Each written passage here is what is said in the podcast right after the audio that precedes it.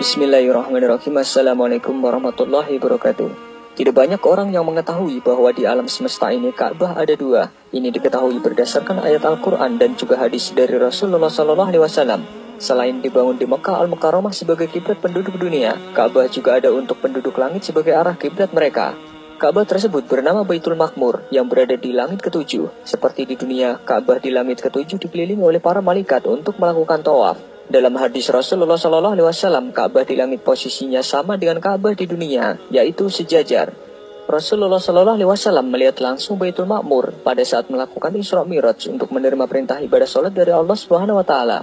Pada saat itu, di langit ketujuh, Nabi Muhammad Shallallahu Alaihi Wasallam disambut oleh malaikat dan Rasulullah Shallallahu Alaihi Wasallam melihat Baitul Makmur yang dikelilingi para malaikat. Hal ini disampaikan oleh Rasulullah Shallallahu Alaihi Wasallam dalam hadisnya. Lalu aku melihat Baitul Makmur. Aku pun bertanya kepada Jibril, ini adalah Baitul Makmur. Setiap hari tempat ini dikunjungi 70 ribu malaikat untuk melakukan sholat di sana. Setelah mereka keluar, mereka tidak akan kembali lagi ke tempat ini. Hadis riwayat Bukhari dan Muslim.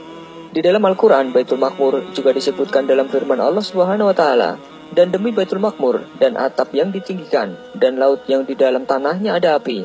Quran Surat At-Tur ayat 4-6 Pada awalnya Baitul Makmur bermula ketika Allah Subhanahu wa taala hendak menciptakan khalifah di muka bumi. Namun pada saat itu keputusan Allah Subhanahu wa taala dipertanyakan oleh para malaikat. Hal ini ada terdapat dalam firman Allah. Ingatlah ketika Tuhan berfirman kepada para malaikat, Sesungguhnya aku hendak menjadikan seorang khalifah di muka bumi. Mereka berkata, Mengapa engkau hendak menjadikan khalifah di bumi itu?